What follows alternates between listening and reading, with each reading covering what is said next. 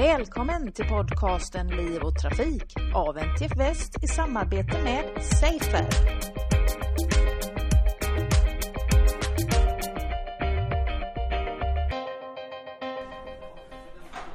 Liv och Trafik träffar idag ingen mindre än Sveriges infrastrukturminister Anna Johansson.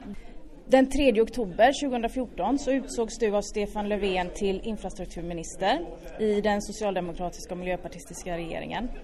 Hur känns det nu så här fyra månader in på ditt nya ämbete?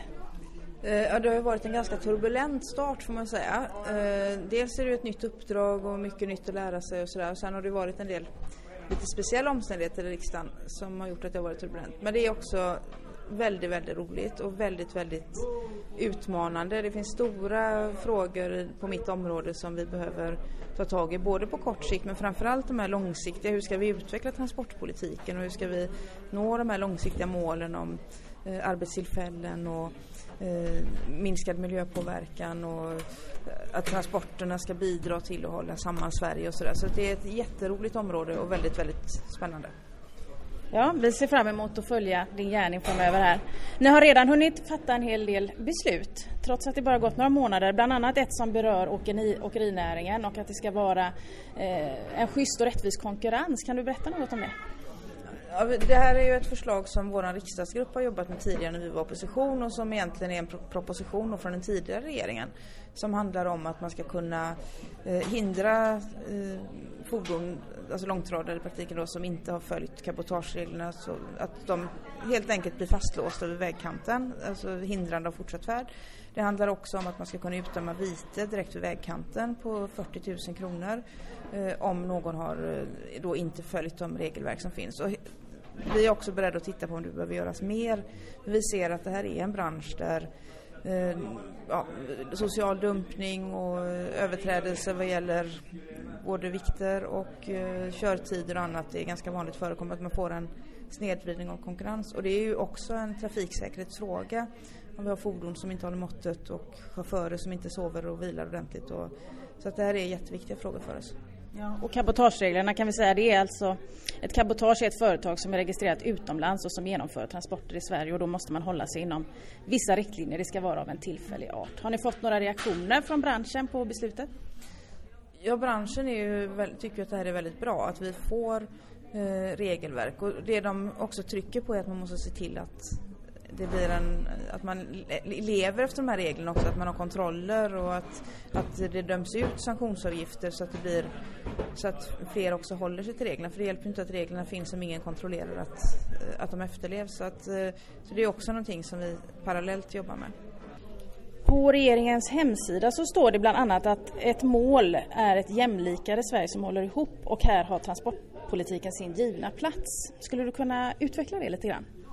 Ja, ofta när man pratar om transporter så, så blir det liksom väldigt mycket teknik. Det blir spår och eh, fordon och asfalt och så. Men vad det i själva verket handlar om är ju att transporterna Genom att få effektiva transporter med minskad miljöpåverkan så kan man också, det, de ska liksom bidra till att uppnå andra mål.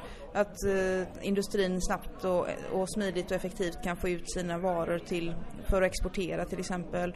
Att människor kan pendla till sina jobb och till skola och utbildning. Eh, att vi totalt sett minskar transportsektorns negativa klimatpåverkan och så vidare och så vidare. Så att på det sättet så är transportsektorn en del i ett större sammanhang där vi också behöver tänka, tror jag, lite annorlunda. Att vi inte bara tänker vägavsnitt och, och eh, räls, utan, eh, och det kanske inte är någon som gör, men alltså försöka också lyfta blicken och se lite mer i system. Så det är ett sätt att påvisa att transportpolitiken är inte en isolerad ö, utan den hänger ihop med hela politiken. Mm. Eh, på VTI-dagarna så pratar du bland annat om transportsektorns roll i byggandet av det hållbara samhället. Eh, kan du säga någonting mer just om transporter och miljöfrågan, hur, eh, hur transportsektorn kan vara en del av en grön omställning? Ja, det kan ju egentligen ske på flera sätt. Dels så tänker jag att vi behöver se över hur olika avgifter och skatteregler och så vidare, hur, hur de är utformade. Har vi regler som så att säga, samverkar för att totalt sett eh, främja mer miljöanpassade transporter. Det är, det är en sak. Sen finns det också delar som handlar om eh, teknikutveckling och att man får stöd för nya innovationer och att vi också kan genom att ligga i framkant när det gäller ny teknik och så vidare också kan få våra företag att kunna exportera och växa och bli framgångsrika. Så att på det sättet hänger det ihop med både ekonomisk och eh, delvis också social hållbarhet. För det handlar om trafiksäkerhetsfrågor, om kvinnors och mäns möjligheter att eh, transportera sig. Eh, att man ska kunna bo i hela landet och kunna leva och verka. Så att, så att på det sättet ser vi att transportsektorn har en viktig roll att spela i alla de där hållbarhetsperspektiven. Det står även på regeringens hemsida att ni vill ge en nystart till nollvisionen. Det vill säga målsättningen att ingen ska dödas eller skadas allvarligt i trafiken. Vad, hur tänker du kring den här nystarten? Vad innebär det? Ja, vi är inte riktigt färdigtänkta kring det. Utan det, det vi har, det är väl mer en allmän upplevelse av att vi tycker att eh, signalvärdet har liksom varit att vi inte lägger så stor vikt vid det här längre eller att vi har gjort allting redan och nu är det klart. Och så ser vi att nej, men det, det är ju fortfarande så att, att det är för många som blir allvarligt skadade eller dödade i trafiken. Eh, och, och där vi ser att vi, vi kanske behöver faktiskt eh, sätta frågan på kartan på ett tydligare sätt och samla olika intressenter som jobbar med de här frågorna för att också ta fram nya delmål Eh, se på vilk, vilka åtgärder skulle vara de mest prioriterade att vidta. Men, och, men också göra allmänheten medveten om att det här är ett mål som vi fortfarande strävar mot och där vi liksom lyfter upp frågan lite tydligare på agendan igen. För det är en eh, det är onödigt mycket lidande som orsakas i trafiken och där vi tror att vi kan nå längre om vi kraftsamlar. Mm. Hur ser du på eh, beteendeförändringarnas roll och behovet av beteendepåverkan i det här arbetet? Det är ju en, väldigt många trafikolyckor har ju med eh, beteende att göra.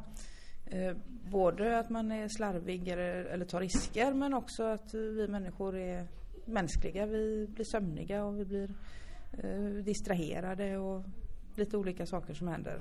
Förutom naturligtvis det här uppenbara med med missbruksproblem och så. Eh, så det är en jätteviktig fråga och där kan man också se, alltså dels behövs det beteendepåverkan eh, men också och upplysning och kunskapsuppbyggnad och där jag tror att det här med att kanske rikta sig specifikt mot vissa grupper som man ser har ett större riskbeteende kan vara en sak att göra. Eh, men där man också kan titta på det här med allt mer automatisering Eh, som ju faktiskt tar bort en del av risken att vi tappar omdömet eller uppmärksamheten ibland.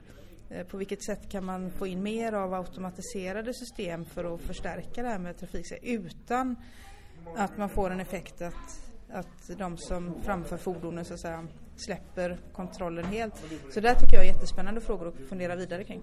Vilka prioriteringar är eh, närmast förestående nu för regeringen om du blickar eh, året 2015, 2016 kanske också?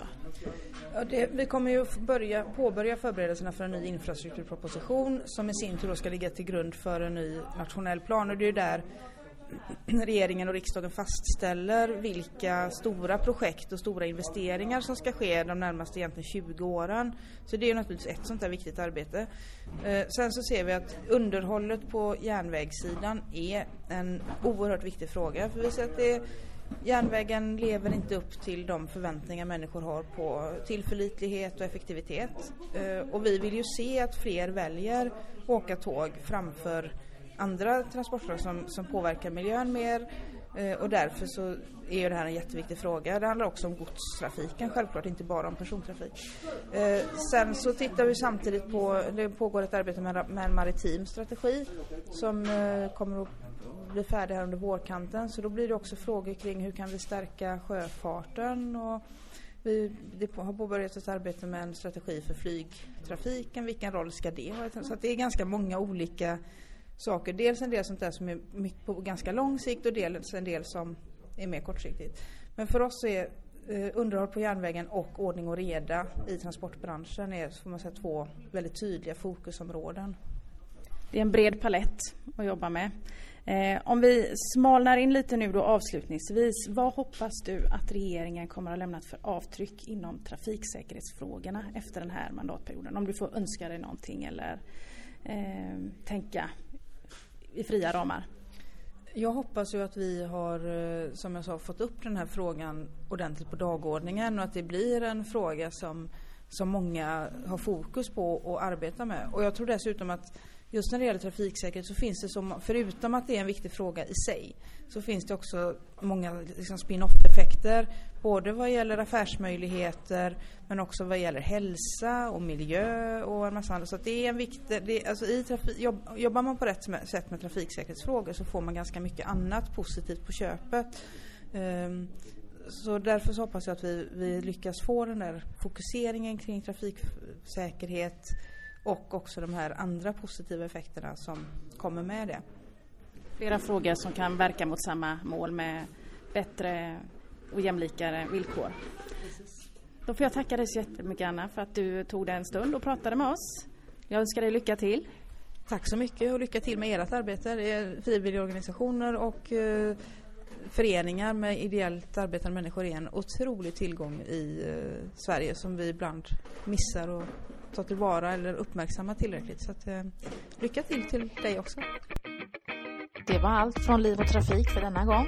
Jag heter Angela Elvård och tack för att ni har lyssnat.